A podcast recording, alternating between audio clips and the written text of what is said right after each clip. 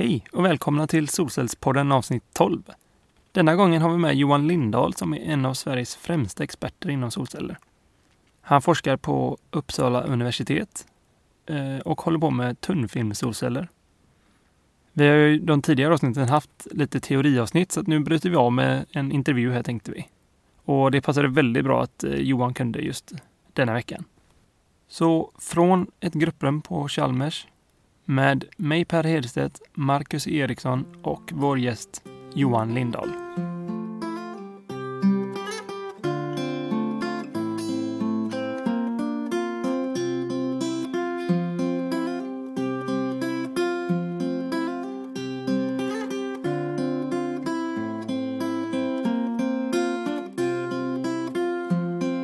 Och välkomna till Solcellspodden. Idag är det jag och Marcus och så har vi med oss en gäst här, Johan Lindahl. Ja.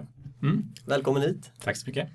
Du är doktorand på Uppsala universitet. Mm, stämmer. Jag forskar om eh, tunnfilmsceller av typen SIGS eh, uppe på Uppsala universitet. Ja. Ja. Och eh, vad, vad har du för bakgrund annars? Så är, du, är du från Uppsala? Eller? Jag är från Stockholm ursprungligen, Ja. men jag gjorde mina ingenjörsstudier i Uppsala och jag pluggade där eh, teknisk fysik med materialvetenskap, så jag är ingenjör. Ja, grunden. Och materialvetenskap, är det mot tunnfilm då? Eller är det... Alltså de, den utbildningen handl- det var ju materialvetenskap överlag och det var ju mycket kanske tänkt när man skulle gå till eh, stålindustrin som är stor i Sverige. Men eh, jag ville inrikta mig mot energi och har all- alltid haft ett liksom, miljöengagemang och vilja jobba med någonting där man kan vara med och påverka. Så att jag läste en solcellskurs och sen så blev det på den vägen helt enkelt. Du blev lite hooked, kan man säga så? Ja, ja, jag trodde att det fann, framtiden låg för solceller när jag mot slutet av utbildningen så ville jag inrikta mig på det och sen sökte ett exjobb inom solenergi och sen ja, rullade det på så. Ja, ja. Eh, Vad, vad gjorde du exjobbet? Om det var om SIGS då? eller? Nej, exjobbet gjorde jag uppe i Härnösand på ett företag som heter Absolicon som håller på med koncentrerande hybrider mellan solvärme och solceller. Jaha, så att du koncentrerar solljuset eh, på något sätt? Ja, och på då, en- så får du både på, på no, några fåtal solceller eh, som sitter då satt på ett rör och sen så får du el från solcellerna också, men de blir väldigt varma så får du värme från vattnet så du får både och. Hur gick det då? Vad blev eh, kontentan? Var det bra eller? De, eh, de håller på eh, och ja, satsar upp lite olika solsystem i, både i Sverige och utomlands, men eh, så de kämpar på. Eh, ja, eh, nackdelen i Sverige är att man behöver direkt solljus för det. Så det är kanske är mer lämpligt i längre söderut och där det är mindre molnighet. Eftersom man måste rikta de här trågen hela tiden för att solen ska träffa just de där. Ja, Så behöver man solföljning och sådär. Men själva elutvinningen är inte så stor eller? Eller hur? eh, Nej, majoriteten av energin du vinner ut är värme. Ja, Men ja, både sol och... ja, ja. ja. Så de trivs bäst typ i en öken eller så här? Alltså det ska gärna vara direkt mycket så direkt ljus och Ja, varmt. de, har installerat en del. Eh, nu var det ett sak som jag var där så jag har inte riktigt koll på exakt status där. Men de hade installerat och siktat in sig på en del eh, hotell med pool. Ja, ja. Eftersom du får mycket värme och kanske inte högkvalitativ värme runt 100 grader utan lite lägre. Så värma upp pooler och få el och sådär. Mm. Så ja, hotell med pool, lite, Mm. lite varmare breddgrader. Låter som liksom. södra Europa till exempel Ja, och till så vidare. Nu, eh, och nu håller du på med din doktorsavhandling då? Nu håller jag på med, ja, jag Mm. håller på att forska då och Ja. jag har inte börjat skriva avhandlingar men skriver lite artiklar och forskar på tunnfilmsceller. Ja, okej. Eh, För jag läste att du, hade med att göra med CDS-free, alltså kadmium, Fria, ja exakt. kadmiumfria då, för att minska miljöpåverkan från Ja, eh, i SIG-solceller så oftast, eller liksom state of the art, så finns det ett tunt skikt eh, Eh, med kadmiumsulfid. Eh, buffertskikt heter det. Eh, och det är de man gjort de bästa solcellerna med. Men kadmium vill man ju försöka få bort. Det är ju en tungmetall. metall även om det inte är så stora problem när modulen är klart så kan det vara lite så här vanskligt när man i produktion och sådär. Så vill man ersätta det med ett annat material. Dels för att bli av med kadmiumet då, men också för att i förlängningen kunna höja verkningsgraden. För det finns vissa nackdelar med kadmiumsulfid. Det absorberar till exempel en del solljus som man istället skulle vilja ha ner i själva absorptionsskiktet av SIX. Jaha, så det minskar till och med liksom eller Ja. effektiviteten på det sättet? Att det, Exakt, det, det absorberar lite eh, solljus av det, liksom, eh, det högenergetiska solljuset. Eh, absorberas i det där skiktet istället för att hamna ner där man vill ha det. Var, varför har man det då egentligen från början? Är det för att det är billigare att tillverka dem när det är i då eller? Ja, det här buffertskiktet behöver man ha för att eh, få en bra övergång mellan eh, ledningsbandet i framkontakten och i själva absorptionsskiktet. Trevligt att du kommer in på det för förra avsnittet så hade vi snack om de här exakt. grejerna så det knyter an lite. Så man behöver, man behöver få en bra övergång mellan de två olika nivåerna och då behöver man lägga in det här buffertskiktet Okej. för att få bra övergång och få minska eh, rekombination och förluster. Eh, så därför har man det här skiktet och hittills har de bästa cellerna gjorts med kadmiumsulfid och så är det fortfarande. Eh, men man ser också vissa nackdelar och att det kanske finns potential att få bättre solceller man kan ersätta det med ett annat material med högre bandgap. Okej. hur stort i allmänhet är det med tunnfilm? Alltså, så här, ja, i, alltså det, du håller ju på med en tunnfilm, det finns ju väldigt många olika Exakt. sorter liksom. Mm. Men den typen som du tittar på, hur vanligt är det? Hur vanligt det är, världsmarknaden domineras ju av kisel. Ja. Helt klart. Eh, och det är bara tunnfilm då kanske de, sammanlagt för kanske 5 av världsmarknaden i dagsläget. Det är för att ja, kineserna satsade på kisel, det var den mest mogna tekniken och det har rampats upp snabbt och sådär. Men eh, racet är inte riktigt över än eh, skulle jag säga. Det var för något år sedan man började räkna ut tunnfilmer på grund av lägre verkningsgrad. Men nu har det de senaste åren skett ganska så täta och eh, nya världsrekord på labbnivå på tunnfilmsceller. Ganska snabbt, både på kadmiumtellurid och SIGS. Eh, så Vad ligger de på i? 21 procent Ja. ligger nu. Eh, så att det har ökat med på bara något år mer än en procent. Mm. i Verkningsgrad på labbnivå och det har, tror man man kan föra över till modulnivå då.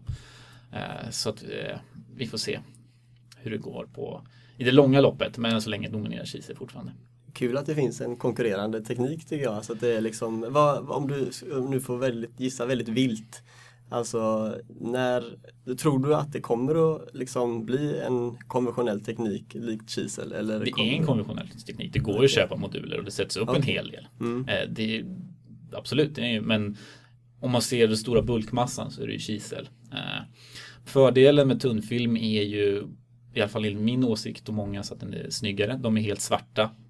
Går lätt att integrera i byggda miljöer utan att man ser liksom Ja, det ser snyggt ut. Sen så går det också att belägga det på flexibla material så man kan få flexibla eh, solceller. Eh, vilket kan vara intresse i många applikationer. Men om man tittar till exempel på storskalig elproduktion, man bygger upp stora parker. Så där kommer kisel fortsätta dominera det tror jag. Så vi kommer att se tunnfilmen i stadsmiljö kanske mer då snyggt integrerat och så vidare medan bulkproduktionerna, de stora anläggningarna ute på fält och sånt, det är kisel liksom. Ja, det är ett troligt scenario. Eh, Jag skulle gissa att det ja, kan se ut sådär.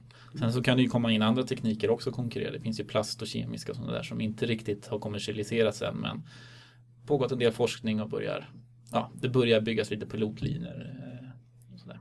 Ja just det, det har varit lite snack om det här grätselceller Mm. och så även nano, nanotrådssolceller, någon Mm. variant sådär. Vad tror du om de här? Man har bara hört lite grann om dem. Men eh, vet du något om dem och vad tror du om det? Ja, alltså det är lite spännande för i Sverige så ligger vi ganska långt fram där. Eh, Det finns ju ett företag i Stockholm som har börjat bygga pilotlina för just sådana här grässelsolceller. Eh, och i Lund håller man på med de här nano-grejerna. Jag har svårt att sia hur det kommer gå, helt enkelt. Men ja, med de här plastsolcellerna, det första man kanske inriktar sig på det är inte storskalig elproduktion utan första man, steg man tänker ta att man kan ha det till eh, elektronikprodukter. Du kan sätta det på din laptop eller någonting och få egenreglering för, för sådana grejer. Eh, för du kan göra det i plastfilmer och sätta på det ganska lätt, det är inte så mycket vikt. Det är mer genomskinligt och så också. Det går att göra genomskinligt också. Eh, om man vill det. Och då just därför tänker man kanske för fasader och sådana såna applikationer. För verkningsgraden är lägre för de här hittills, betydligt lägre. Och speciellt om man gör dem genomskinliga så förlorar man ju också lite Mm. verkningsgrad. Det säger ju sig självt. Om de är genomskinliga så tar det inte upp en del av ljuset som man annars kunde göra en el av. Men eh, för sådana applikationer kan det mycket väl bli en marknad. Och liksom, men eh, det, för storskalig elgenerering så tror jag att ja, det är svårt att se att de kan konkurrera med kisel. Intressant, alltså det är en nischmarknad för detta då helt enkelt. Och man kan, alltså min egen uppfattning tänker jag är lite att eh, kisel har kommit så pass långt, alltså det är så oerhört långt gånget redan och instyrt i alla system. Så att det är liksom, och möjligtvis tunnfilm då också. Mm. Men så här, det är väldigt svårt att slå sig in. Men då tänker du också den tanken att det är nischmarknader för de här nya teknikerna och inte så mycket bulkproduktion? Nej, ja, eh, exakt. Eh, det finns ju olika fördelar med de olika teknikerna. Eh, och då kan man hitta ja, men utnyttja det bäst. När det gäller till exempel sätta upp storskalig, då är det ju viktigt med hög verkningsgrad. För det innebär att du får, behöver färre kablar och mindre ja, monteringsmaterial och så vidare. Mm. Eh, medans i, i, andra tillfällen så kanske verkningsgraden inte är lika viktig utan det är snarare kanske att de är flexibla eller lätta eller så vidare. Mm. Eh, så att eh, det kan finnas olika marknader för helt, helt enkelt. Och sen eh, är du, du jobbar för IEA PVS också? PVPS. Eller PVPS heter det? Ja, IEA PVPS. Ja, just det. Vad, är, vad är detta för något? Det är alltså IEA är internationella energiorganet om man ska översätta det. Eh, så det är en stor sammanslutning av länder som ja, helt enkelt tittar på energifrågor globalt sett. Och så finns det då en solcellsdel där som är PVPS. Och där jobbar eh, är vi ett antal medlemsländer. Ehm, 25 stycken vid dagsläget. Eh, och det är ja, många av de stora, Japan, Kina, USA och Tyskland och så vidare. Och då jobbar vi i olika så kallade task. Eh, och de kan vara tekniska, icke-tekniska. Och det kan eh, till exempel handla om storskalig elproduktion i öknen. Och så kommer experter från olika länder och så kan man utbyta erfarenheter och diskutera och ta fram rapporter om vad man behöver tänka på. Eh, och sen så, ja det kan vara allt möjligt. Eh, solceller och hälsan och solceller i bebyggelse, olika, olika ämnen som man eh, utbyter erfarenheter kring. Jag sitter med då i Task 1 som handlar om eh, marknadsanalys och statistik. Så helt enkelt kolla på hur solcellsmarknaden både nationellt som Indomitins ansvar för Sverige utvecklas och även internationellt. Så då sammanställer vi, liksom, träffas och diskuterar och sammanställer de statistik vi har nationellt. Tittar på hur hela världsmarknaden utvecklas. Hur funkar det specifikt? Är det att, ni, att du får ett uppdrag att eh, skulle du kunna bistå med information om detta eller är det att du? Ja, jag gör ju det här på uppdrag av Energimyndigheten eh, så att varje år, min huvudsakliga uppgift är att jag varje år skriver en rapport om den svenska solcellsbranschen.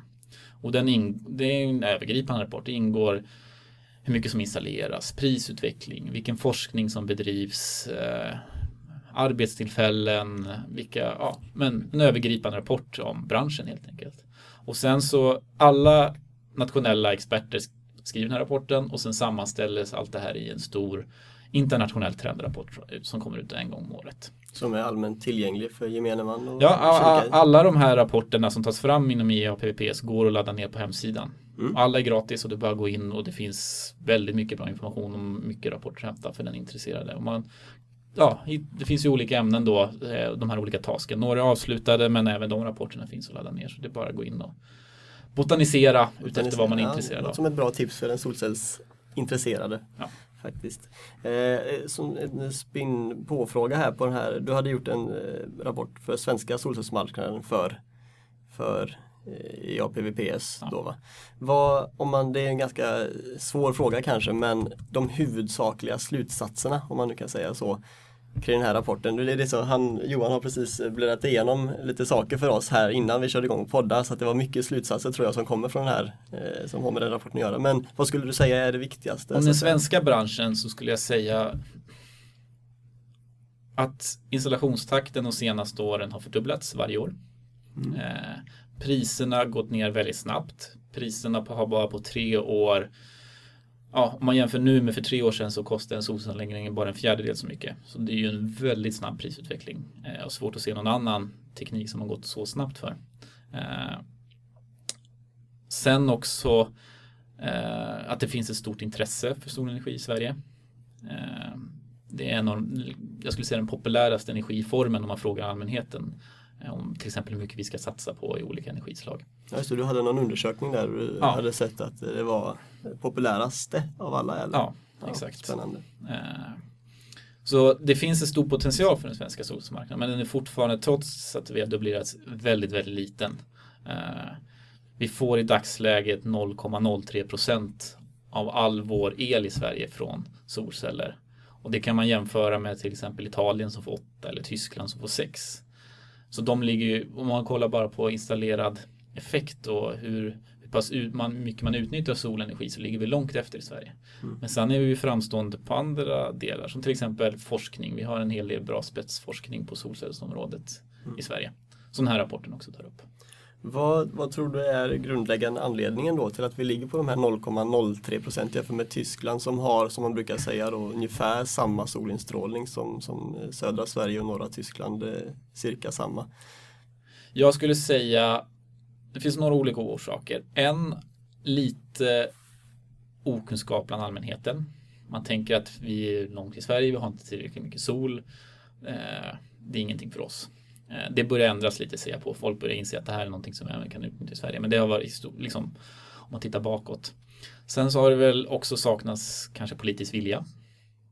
Eh, andra länder som Tyskland och Italien har ju då tidigare subventionerat ganska kraftigt solceller på grund av att det var dyrare. Nu, nu behövs ju inte lika mycket subventioner för priserna har gått ner men man har gjort det och då fick man igång en marknad helt enkelt och därför ligger långt fram. Det har vi ju inte gjort i Sverige. Eh, och det kan ju finnas flera olika anledningar. Vi har, vi har ju till exempel redan en ganska klimatneutral elproduktion. Vi kanske inte har samma behov som Tyskland eller Italien. Och vi, eh, vi behöver inte importera stora mängder kol eller olja eller gas från Ryssland. Så här. Vi, vi har det ganska bra ställt på elproduktionssidan så att det har vi kanske inte riktigt funnits behovet heller. Eh, så den politiska viljan har saknats lite eh, och vi kanske inte heller haft behovet som sagt var. Sen är det ju också att vi har ändå relativt låga elpriser. Eh, om man jämför med Tyskland som har högre så blir det mera fördelaktigt att installera solceller eh, om du har högre elpriser då du kan ersätta den kostnaden när du köper in el. Mm. Och vi pratade ju lite grann också tidigare här om att eh, kanske det är den här snabba prissänkningen på solcellsinstallationer. Folk, som du säger, allmänhetens kunskap om att det faktiskt har gått ner så mycket pris kanske inte finns. Nej, så alltså är det. att det är liksom så pass snabbt som det har gått. Så att, kan det också vara en, en stor absolut, anledning? Absolut, Om, du, om, om en person kanske funderade för tre år sedan, jag kanske ska sätta upp solceller på min villa och så tittar man lite och så fick man lite priser och bara det här är alldeles för dyrt. Så är det ju svårt att kanske inse att på bara tre år så har det hänt så himla mycket på prisutvecklingen. Så att då kanske man, ja, jag, jag funderar lite på det men sen så, nej, det var för dyrt då. Mm. Medan det nu kan vara lönsamt. Ja, det är ju svårt att greppa faktiskt att det kan hända på en sån kort tid. Ja, mm. och jag, jag har full förståelse svårt att hänga med. Jag som jobbar med att ta fram statistiken hänger inte med. Mm. och det, det, känns lite som att den allmänna uppfattningen är att solceller, alltså oftast när jag, när jag pratar med folk som inte är insatta eller ja, som har tittat på det som du säger, då är det en mm. allmän, allmän uppfattning att det inte är lönsamt och att det inte är liksom så här. Eh, men det kan ju vara skönt om man kan få. Få ut mer lättillgänglig information då kanske? Till ja, absolut. Och sen frågan, frågan kring lönsamhet är ju väldigt svår också. Mm.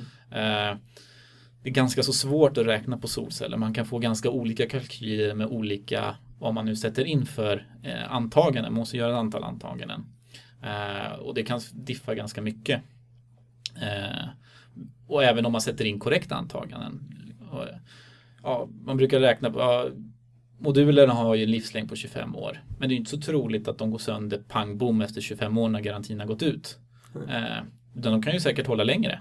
Vad antar man då? Antar man att de håller 30, 35, 50 år? Det är ju ganska stor skillnad på, på eh, kalkylen. Sen så också vad gör man för antaganden om elpriset? Kommer det gå upp? Det har ju gått upp stadigt sedan 1970-talet. Kommer det fortsätta göra det? Det är svårt att veta. Eh, också antaganden eh, kring hur mycket den kommer att producera. Eh, Diffa diffar lite på hur man sätter dem och så vidare. Men också en, en sak som få tänker på som kanske en av de största betydelserna om, på dina kalkyler. Det är om du vilken ränta du räknar på om du måste låna pengar. Har du pengarna så, och bara kan, ska investera i någonting så då är det ganska lätt att få lönsamhet i solceller även utan stöd i dagsläget. Eh, men har en ränta och måste betala av, ja, och vilken ränta eh, påverkar ganska mycket vilken produktionskostnad du får per kilowattimme från solceller.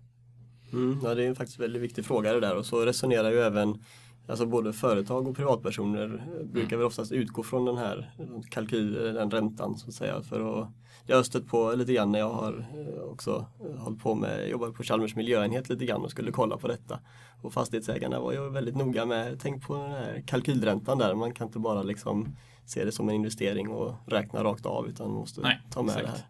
Och det är, väl, det är väl rimligt och logiskt också men Sen så beror det också på väldigt mycket hur stor del av din el kommer du konsumera själv, alltså hur mycket skickar du ut på nätet. För många företag är det en icke-fråga. De sätter ut solceller på sitt tak och så de har inget problem att liksom använda all el själva. Eh, men för en privatperson så, så är det viktigt vad, vad är värdet för det överskott jag producerar. Och det har ju varit osäkert länge. Eh, för några år sedan så fick du skänka bort det. Nu finns det en, ganska, en uppsjö av ganska många fördelaktiga erbjudanden från elbolagen. Men det, det diffar mellan Nordpols spotpris, alltså 30 öre, upp till kanske 1,30 för de högsta. Så du måste ju vara ganska aktiv som producent då för att få ut max. Eh, och sen just den här avsaknaden av ett nationellt system. Nettodebiteringsutredningen som ja, inte riktigt kom i hamn eller man ska säga och skattereduktionsförslaget som, eh, som sköts lite på framtiden. Eh, så det här har ju gett ganska stor osäkerhet vilka regler som gäller och hur man ska räkna. Och det var en anledning till att det kanske inte riktigt tagit fart så mycket i Sverige som utomlands. Mm. Om, man, om man tittar på de här olika, som du nämnde, nettodebiteringen och skattereduktionen. Nu får vi skattereduktion. Till, om budgeten röstas igenom. Om budgeten röstas igenom, ja precis. Ja. Första januari har de sagt då. Mm. Ja. Det är tanken. Hur, eh, vad tänker du om det? Hade du hoppats på nettodebitering? Det är en väldigt svår fråga. Det finns för och nackdelar med båda. Nettodebiteringen fördelen att det är ganska enkel eh, system, lättförståeligt för gemene man. Och jag har lite känsla, men det här är ju bara känsla då att det kanske skulle kunna vara ja, möjligheten var lite mer långlivat än en skattereduktionsförslag. Eh, det är ganska lätt att ta bort en skatte, skattereduktion sådär, när man känner att man inte vill ha den längre. Eh, men nackdelen med den är ju att med nettodebitering att det här med att öka självkonsumtionen från din solcellsanläggning. Det finns inget incitament för det. För värdet för överskottselen får samma värde som, som eh, den du använder själv. Men nu med skattereduktionen och om man lägger sig lite under vad värdet är när du själv konsumerar så kan man få den effekten att stimulera eller liksom det är bättre att självkonsumera så stor del. Så det har ju fördelen med skattereduktionen. Ty tycker du det ska vara ett, alltså är det ett stort egenvärde i att man eh, använder elen själv? Att, att det ska vara liksom en viktig del av det hela? Eller hur känner du för att mata ut el och eh, liksom, ska det promotas liksom? Det, det är en svår fråga. Eh, jag skulle säga att på sikt så kommer nog bästa vara för solcellsproducenten att konsumera så mycket som möjligt. För jag har svårt att se och jag tycker inte att vi ska ha det här att skattereduktionen ska fortsätta för evigt. Det är den här, då kommer vi in lite här på diskussionen med riktade stöd eh, till olika tekniker. Eh, jag är lite av åsikten eh, att riktade stöd är bra, men de ska bara finnas under en kort period för att se vilken potential det finns i olika tekniker. Har man, har man bara teknikneutralt som vårt eh, elcertifikatssystem elcertifikatsystem så är det ju bara den mest mogna tekniken som byggs. För det är den som har kommit längst. Nya tekniker som, om vi tittar bara något år tillbaka, solceller eller vågkraft skulle ju inte riktigt få chansen att växa. För det finns ju mycket, priserna går ju ner när marknaden blir större. Eh, så då kan det finnas en tanke, och kan vara en bra idé, att ge riktade stöd till vissa nya tekniker. Men visar det sig att de inte går ner i pris så ska man ju inte fortsätta att subventionera dem. Och det är väl lite där vi är med solceller också.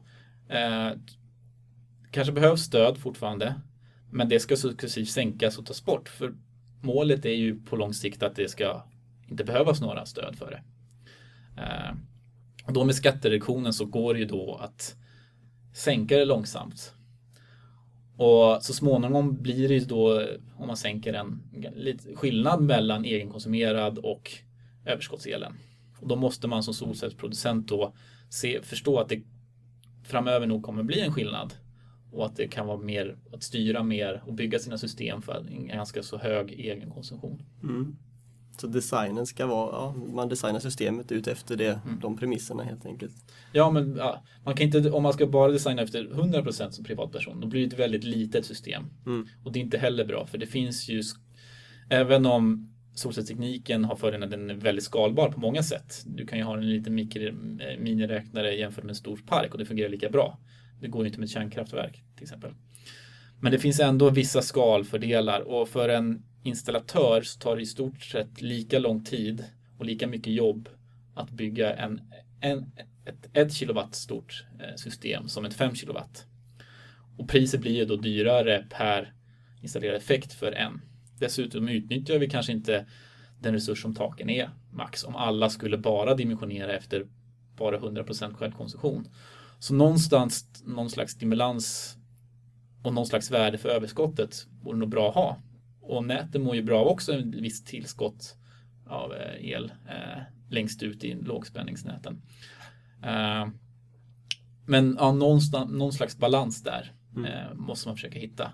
Och ja, Mm. man måste försöka undersöka och forska på liksom, Var, var ligger den ja. gyllene medelvägen? Ja, här? men lite Det- sådär. Ja, det är en intressant forskningsfråga kan jag förstå. Det är det du kommer lura på framöver kan jag tänka mig. Eh, ja, det Eller? tror jag nog kanske inte. Nej. Nej. Det är inte riktigt den forskning jag håller på med nu och vi får se vad när jag är klar här. Kanske Mm. man hamnar på annat men, men ja, det bedrivs ju lite systemforskning i Sverige också. Mm. Eh, om sådana frågor. Nu ligger vi ju på 35 procent i bidrag till Ja. in- investeringsbidrag då. Mm. Eh, och i, eh, ni skrev en gemensam rapport, du och Bengt Strid och En debattartikel. en debattartikel, Ja. just det. Eh, och vilka var det med? Johan Önnell va? Ja, just det. Mm. Johan Önell, Björn Sandén. Björn Sandén var det, just det. Ehm, där hade ni några direkta förslag som, som skulle kunna stimulera den svenska marknaden kanske? Ehm, I och med den här budgeten så visar det sig, ja, eh, det verkar som att man vill föra till mer pengar till solcellsstödet, 400 miljoner till. Problemet är ju att det ligger inne ansökningar för 600 miljoner. Alltså det är ett stort intresse för solenergi som jag pratat om tidigare. Så de pengar man vill tillföra räcker ju, det täcker bara upp redan befintliga ansökningar och inte ens det. Eh, och vi anser då att det finns utrymme och eftersom priserna gått ner att sänka stödnivån till 20 procent. Det går fortfarande att hitta lönsamhet. Då skulle pengarna räcka till fler. Dessutom skulle man närma sig eh, rotavdraget. Eh, som privatperson med villa som är äldre än fem år kan du få det. Eh, du kan inte få både rotavdrag och eh, solcellsstödet utan du får välja. Men ligger man närmare den så kan fler välja det istället. Dessutom jobbar Svensk Solenergi mot att alla företagen ska ta en schablon på, på rotavdraget som då kommer hamna, jag för mig att det var runt 15 procent av totala systemkostnaden. Liksom. Och då ligger man ganska nära och då skulle man på sikt kunna få bort solcellsstödet. För i dagsläget så solcellsstödet var bra. Det fick igång den svenska solcellsmarknaden, absolut. Men nu är det snarare att det lägger lite ett lock på utvecklingen. För just av den anledningen att budgeten är för liten så pengarna räcker inte till alla ansökande. Och vet du att du kan få pengar och inte får det så kanske det är många som avstår och gör en installation. Så att på sikt så skulle jag vilja se att man får bort solcellsstödet men man kan då i ett steg på det sänka till 20 procent och sen då eh, ytterligare år kanske ta bort det helt och utnyttja rotavdrag eh, och då skattereduktionen. det där med rotavdrag blir ju, alltså, för som du sa, att en installatör sätter ju upp en kilowatt lika enkelt som tre eller tre lika enkelt som sex. Ja, i stort sett. I stort sett. Alltså, Och, det, tar, det tar ju tid för dem att åka ut dit Ja. och projektering och så. Sen tar det lite längre tid väl på plats. Ja. Men, ja. Men så att så- då skulle egentligen eh, själva rotavdraget bli det skulle inte bero så mycket på hur stor anläggning man skulle installera då. Alltså eftersom att rot, rotavdraget är ju bara på arbetskostnaden då. Mm. Eh, Jag är inte helt Nej. insatt i den diskussionen som Svensk Energi för, men eller Svensk Solenergi, inte Ja. Svensk Solenergibranschorganisationen, men de, de jobbar nu mot ett sch- schablonavdrag i alla fall. Eh, Så att det ska, för nu är det ganska stor skillnad på olika installatörer, de tar olika mycket om man tittar på eh, rotavdraget just. Eh, och i den här artikeln eh, som ni skrev där då så argumenterar ni lite för det här med månadsvis eh, skattereduktion. Ja. Det hade ni för i dagsläget, eller da- dagens förslag ligger som en årsvis eh, skattereduktion då. Vad- Och vi tänker att det vore lättare för kunden och mera ja, men lättare att se vad det faktiskt ger om man får se det på elräkningen varje månad istället för att du ska vänta ett helt år och få de här uppgifterna och skicka in det till eh, Skatteverket. Dessutom så tror vi att det skulle vara lättare rent administrativt. Istället för att varje person går igenom krånglet och får uppgifterna från sin nätbolag och sen skicka in dem till Skatteverket som ska ta hand om dem. Så skulle man kan, förhoppningsvis kunna kvitta den här skattereduktionen mot energiskatten och det gör, hjälper en elhandlare med att göra. För de hanterar ju redan energiskatten eh, in till eh, Skattemyndigheten så skulle det vara enklare för både kunden och, och Skatteverket tror vi. Och dessutom mer lättare att se hur mycket det faktiskt ger. Mm. Ja. Dessutom så får man en också bättre återkoppling hur pass mycket, alltså hur systemet, hur mycket det stimulerar marknaden. För om det nu, nu är med liggande förslag så är det först om ett år man får se hur, liksom hur utvecklingen går för solcellsmarknaden. För det är först då alla skickar in alla sina ansökningar och då, så har man ingen direkt koll. Så det kan vara svårt att veta hur dyrt det blir. Eh, om budgeten blir som är en- satt eh, från regeringens sida eh, räcker. Mm. Så det blir en mer direkt återkoppling där. Ja, får då får ju återkoppling varje månad. Mm. Ja, intressant. Eh, Och den här, eh, ni hade även en diskussion här kring schablon för elcertifikat. Ja. Eh, Och vi funderade lite grann, vi satt och tänkte lite på det här eh, tidigare, eh, jag och Per, på hur, hur utformar man ett sådant schablonavdrag på ett bra sätt? För det måste ju baseras på då hur mycket el man anser att en solcellsanläggning producerar då. Ja. Ska man ta en så här genomsnittlig solcellsanläggning då, tror, eller hur? Hade ni någon tanke kring det? Som i dagsläget är det ju så att sol, som solelsproducent så har du ju rätt till elcertifikat. Eh, för det du producerar, även för det du konsumerar själv. Men problemet för en privatperson är att för att få elcertifikaten för även den el du producerar och konsumerar själv så krävs det en mätare. En specifik mätare och den är dyr. Så det lönar sig inte. Så egentligen kan du bara söka Alltså praktiskt så söker man det bara för överskottet. Och det kanske utgör hälften. Eller något sånt där. Och sen så är det inte så mycket och då gör att eh, många väljer att stå utanför elcertifikatsystemet. Eh, och det är lite synd om vi har ett det är ändå ett uttalat från eh, politikernas sida att det här är det systemet vi tror på, det är teknikneutralt. Men så visar det sig att det finns ett produktionslag där det är väldigt många som inte är med ett förnyelsebart på grund av lite krångliga regler. Och då ser vi då att det skulle kunna vara en, ett sätt att man får elcertifikat för hela sin produktion. Man vet ju installerad effekt. Man vet ju också från eh, till exempel sin eh, växelriktare hur mycket man producerat. Men eh, hittills godtar in, godtas inte växelriktaren ut. Men då kan man kanske ta ett schablon på effekten och hur mycket det producerar per år. Liksom. Mm. Ja, det är en väldigt intressant tanke just för Mm. att det är som du säger, man går ju miste om mycket elcertifikat i dagsläget som du säger på grund av de här reglerna. Eh, Jag tror när jag skrev 2013 års rapport så kollade jag lite och jämför man med så mycket som jag eh, har fått in uppgifter från installatörerna alltså som har installerats jämfört med hur mycket effekt som var, fanns med i elcertifikatsystemet så var det bara en åttondel av all solcellseffekt som var med i elcertifikatsystemet. Och det visar ju lite på lite brister i det systemet i dagsläget hur det är utformat att bara en åttondel av den här förnyelsebara energikällan finns med i systemet på grund av regelkrångel skulle jag säga. Mm. Ja, intressant. Ja, många intressanta förslag. När man tänker lite nytt och utanför boxen höll jag på att säga kanske. Ja. Mot vad, hur det brukar tänkas.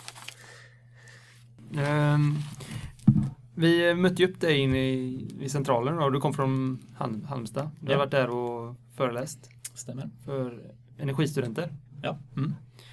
Halmstad i allmänhet, jag tänkte på det, de, de är ju någon sån här, de är självnämnd solkommun nu, tror jag. De, Det, det finns många självutnämnda Ja. solkommuner i Sverige. Det finns ju Göteborg vill vara med och sen finns det Region Skåne och ja, det finns många kommuner som vill profilera sig lite. Eh, Men de är väl en av dem. Ja. Vad, vad tror du man ska, eller vad, vad tror du är, om du själv skulle liksom sitta i en kommun, kommunstyrelse eller så här, vad, vad, vad tror du skulle vara liksom vinnande koncepten för att liksom få både en, alltså en hel kommun, både så här eh, den kommunala biten med kommunala byggnader och företag och allt det här och privatpersoner. Vad, vad tror du man skulle liksom kunna göra på kommunal nivå för att öka? Solenergi? Ja. Ett väldigt lätt sätt är ju att sätta upp solceller på de kommunala byggnaderna som man äger. Och det, de är ofta så att det här med problematiken med att man inte får något överskott, så de är oftast ganska lätta att räkna hem. Eh, även utan stöd. På grund av mycket egen konsumtion? Ja, eller? exakt. Och att priserna ligger som de ligger just nu. Eh, men det är ju så här, det här med lönsamhet är ju en svår fråga. Du gör en investering som sträcker sig 25 år kanske framöver. Och så vill du ha en avkastning på det. Och återbetalningstiden kanske i dagsläget utan stöd är 15-20 år. För många företag är det inte en lönsam investering. De vill ha återbetalningstider på kanske 5-10 år. Men för kommunala ägare, kommunala fastighetsbolag som har förhoppningsvis en lite långsiktigare plan så, så kan det ju vara värt att göra det. Men också dels då, det, det går ju inte back. Det kommer ju troligtvis gå plus. Men också för att profilera sig och skicka en signal och öka mervärden och sådär. Och just det här med att sätta upp solceller, alltså utbyggnad av solceller har ju väldigt tydliga klustertendenser. Det har man gett, gjort studier på USA och det ser man att Om, om en person sätter upp solceller i, i ett villområde på sitt tak så ökar chansen betydligt att grannarna gör det också. Man ser dem och så börjar man tänka och så, men det vill, han har det, då vill jag också ha det. Och den effekten skulle man kunna få även i, i ja, om man sätter upp solceller på eh, offentliga liksom, byggnader. Så det är ju ett sätt för en kommun att promota solenergi. Att göra det själv först och sen så eh, helt enkelt ja, så for, förhoppningsvis sprider sig till befolkningen. Sen kan det ju också vara många elbolag eller elnätsbolag är ju ägda av kommuner eh, och de kan ju då som fallet är på många håll erbjuda fördelaktig ersättning för överskottselen.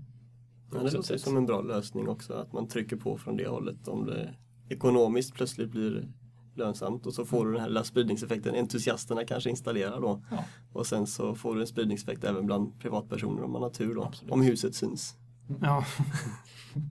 Lite så. Och det, det ska man inte underskatta, eh, som vi pratade lite här innan sändning, att man pratar mycket om lönsamhet för solceller, att det behöver bli lönsamt och en hel del installera för miljöintresset och också den här känslan av att vara självförsörjande. Men om man tänker efter som privatperson så de flesta investeringar man gör tänker man ju inte så mycket på lönsamheten. Utan du köper ju inte de mest lönsamma kläderna, du köper inte den mest lönsamma bilen. Utan en del handlar ju också, mycket handlar ju om att skicka ut ett budskap. Liksom, det här är jag, jag står för de här värdena.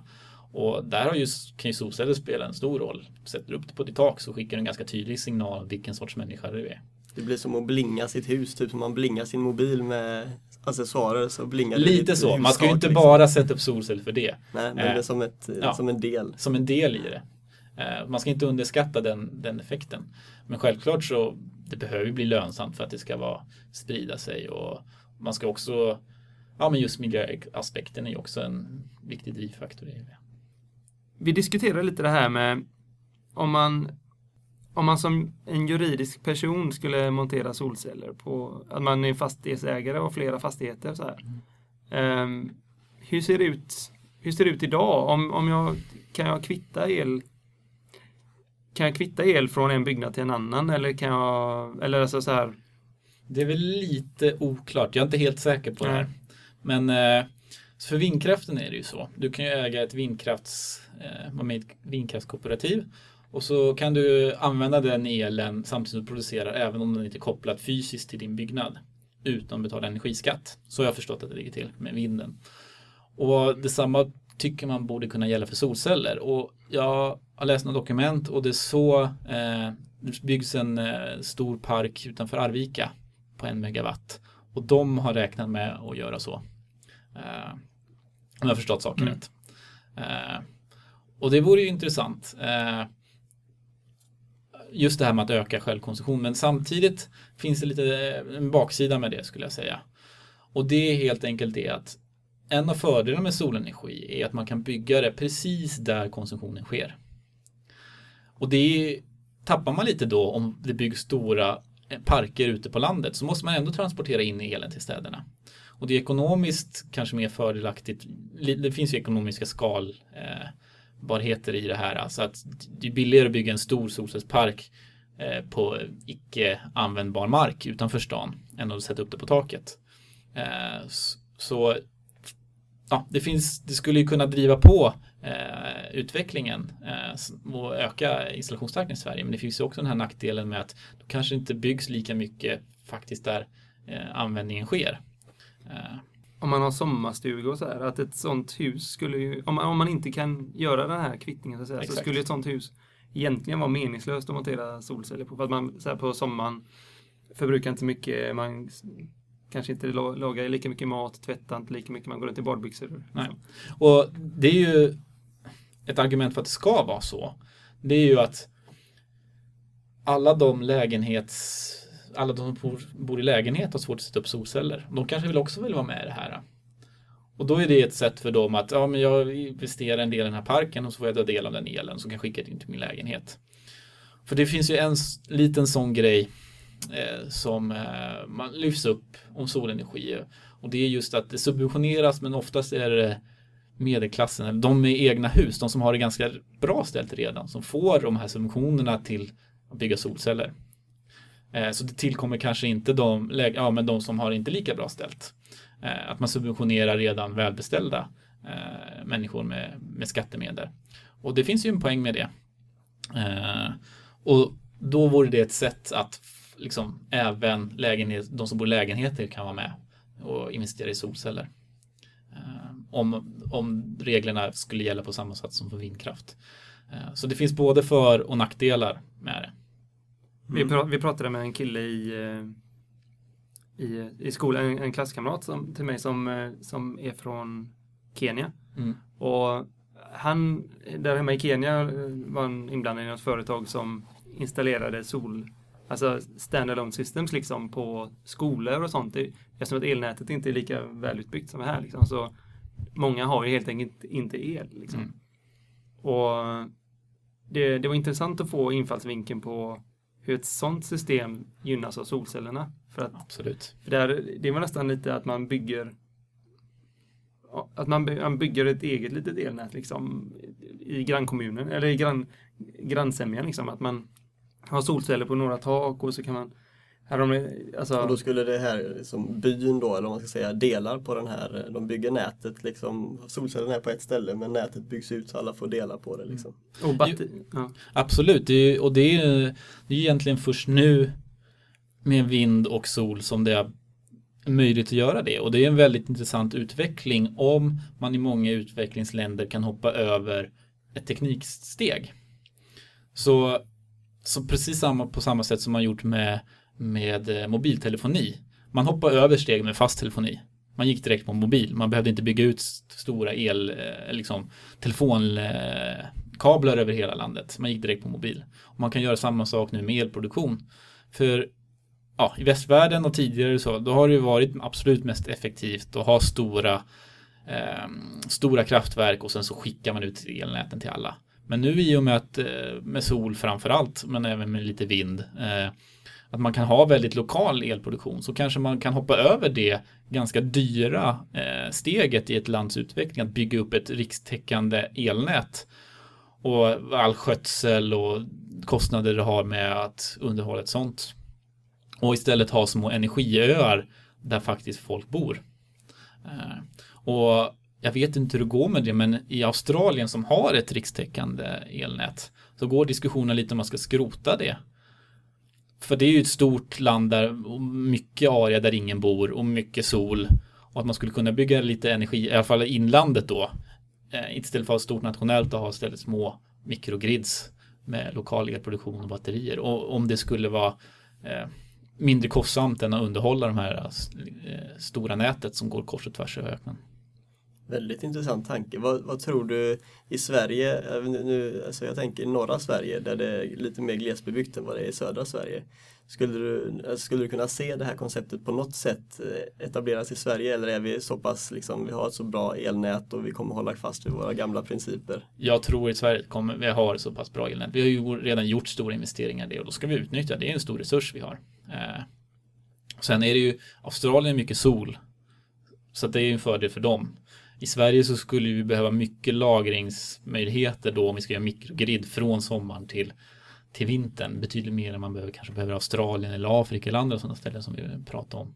Eh, så i Sverige tror jag inte. Men det är ju historiskt sett så eh, och det är en stabil marknad i, i Sverige är just off-grid system. Sommarstugor, båtar, husvagnar. eh, ja, för sommarstugor är det ju betydligt billigare att installera en solpanel och ett batteri än att dra en kabel långt om man inte har el i stugan. Så det, där behövs ju inga funktioner. Det är ju en bärkraftig marknad. Mm. Och det har ju installerats en del. Vad tror du om batteri, eh, om framtiden i batterilagring och så? Att eh, kommer vi, kommer vi eh, se det mer och mer i, ja, även i Sverige? I Sverige, ja, jag tror även i Sverige. Eh, redan nu ser man ju de här konsekvenserna med mycket sol i till exempel Tyskland och Italien att man får stunder med negativa elpriser till exempel. Eh, och att tidigare var ju elpriserna högst mitt på dagen när solen lyste, när liksom folk använde mest el. Men när man byggt ut massa sol så har priserna gått ner där. Och just eh, fortsätter det där så kommer ju elpriserna vara som absolut billigast mitt på dagen om vi har mycket sol i ett nät. Och då kommer det bildas incitament för en, pro, en mikroproducent då att spara den el man producerar med till dagen och använder på kvällen när man själv kommer hem. Eh, och med lagring finns det ju andra aspekter som kanske inte just solcellsmarknaden som drar igång den, men i USA så pratar man en del om energilagring just nu. Och det har man börjat göra lite i kölvattnet den här stormen, stormen Sandy i New York. Där New York var utan el i tre dagar. Ja, det kan ju bli lite problematiskt för amerikanerna. Ja, eh, och det var ju många företag där som de kunde inte ha igång sin verksamhet under tre dagar och det kostade dem jättemycket pengar. Och för dem blir det då en helt annat incitament att kanske investera i energilagring till sin byggnad för att kunna ha igång sin verksamhet under om det blir flera strömavbrott. Och man tror ju i USA att ja, man ser ju att det blir mer och mer extremt väder och man tror att det kommer bli mer och mer strömavbrott. Och då kanske man investerar i energilagring på grund av att försäkra att man har energi. Och helt plötsligt så får man dubbeleffekt att ja, men då är det också väldigt bra att installera solceller för du har redan har lagringen på grund av andra sätt. Eh, så att jag tror lagring kommer ske och Tyskland och USA och Japan så har man börjat på att ge lite stöd till korttidslagring. Det handlar inte om att lagra solel från sommaren till vintern utan från mitt på dagen till kvällen. Och undvika, få lite jämnare eh, efterfrågan och tillförsel på el på grund med hjälp av liksom, korttidslagring. Mm. Och ja, det finns ju de som hävdar ja, elbilsmarknaden utvecklas. Och de batterierna där som kanske har degraderat lite och inte tillräckligt bra för en elbil efter några år man behöver byta ut. Men de kan man ju sätta ner i källaren på sitt hus. Så det kan bli en andrahandsmarknad från batterier från elbilar som man då kan använda för att laga solel till kvällen. Eh, och då ha billigt pris på batterier. Så det är nog en utveckling som jag tror att vi kommer se. Det konceptet just, jag läste någon artikel om det kanske var den du tänkte på eller hade hört också om i Norge att det börjar redan bli aktuellt med de här uttjänta för Norge har ju blivit lite av ett elbilsland ja. jag på säga. Och där har man redan börjat komma till den punkten att eh, man börjar tänka att det är nog dags för de här lite äldre batteribilarna att faktiskt agera energilager istället. Ja, eh, som jag, ja, man tar ut batterierna helt ja. enkelt. Och, ja, exakt. För de, de fungerar ju fortfarande. De kanske inte är tillräckligt bra. Du får kortare räckvidd för din elbil och därför är det värt att byta ut dem. Men de får, liksom, i en källare i ett hus så har du ju inte den plats och vikt. Eh, samma, ja, det betyder inte lika mycket. Och då kan du sätta ner dem där och lagra lite av din solel från mitt på dagen till på kvällen. Då blir det indirekt billigare att, att köpa elbilar också för du får ett andrahandsvärde på, på, på batterierna. Ditt batteri då. Ja, eh, jag är faktiskt rätt nöjd. Jag är också väldigt nöjd. Det var väldigt spännande att få höra dina infallsvinklar på det här solcellsområdet. Kul att få vara här och dela med sig Ja, det var... Det av var sina egna funderingar. det, nej, det är väldigt roligt att höra någon som är så pass insatt i branschen. Eh, Det finns inte så många än så länge i Sverige. Nej, Som, eh, det, det är nog, alltså, det är, så är det ju. Det finns en kunskapsbrist på många håll och det är inte så konstigt eftersom det inte var, för egentligen varit någon marknad att tala om. Men det växer ju snabbt och då kommer det behöva komma, ja, det finns utrymme för studenter som er att hitta en plats och bli duktiga på solenergi. Det kommer nog säkert finnas efterfrågan på efter. Det låter lovande Ja. tycker jag. vad, hur ser det ut för dig resten av eh, året här? Vad, vad har du för eh, hur, vad har du för solcellsplaner så att säga? Vad, vad, är, vad, det du fokuserar på? Eh, ja, nu i mitten av november ska jag åka till Japan. Dels först för att möta det här IAPPS, Task 1. Sen ska jag också vara med på en stor konferens, eh, PVSEC. Eh, och sen efter det så stannar jag kvar en månad i Tokyo där jag ska göra ett forskningsutbyte på universitetet där. Eh, eh, forskningsutbyte med SIGS. Eh, men det, ja, så ser det ut fram till årsskiftet och sen så börjar det bli dags för mig att skriva ihop en avhandling. Så att eh, om ett år ungefär så är planen att jag ska disputera. Spännande. Spännande tider framför dig uppenbarligen i solcellsvärlden. Ja, Ja, men då tackar vi så jättemycket för att du ville komma och prata med oss. tack själva. Tack så mycket.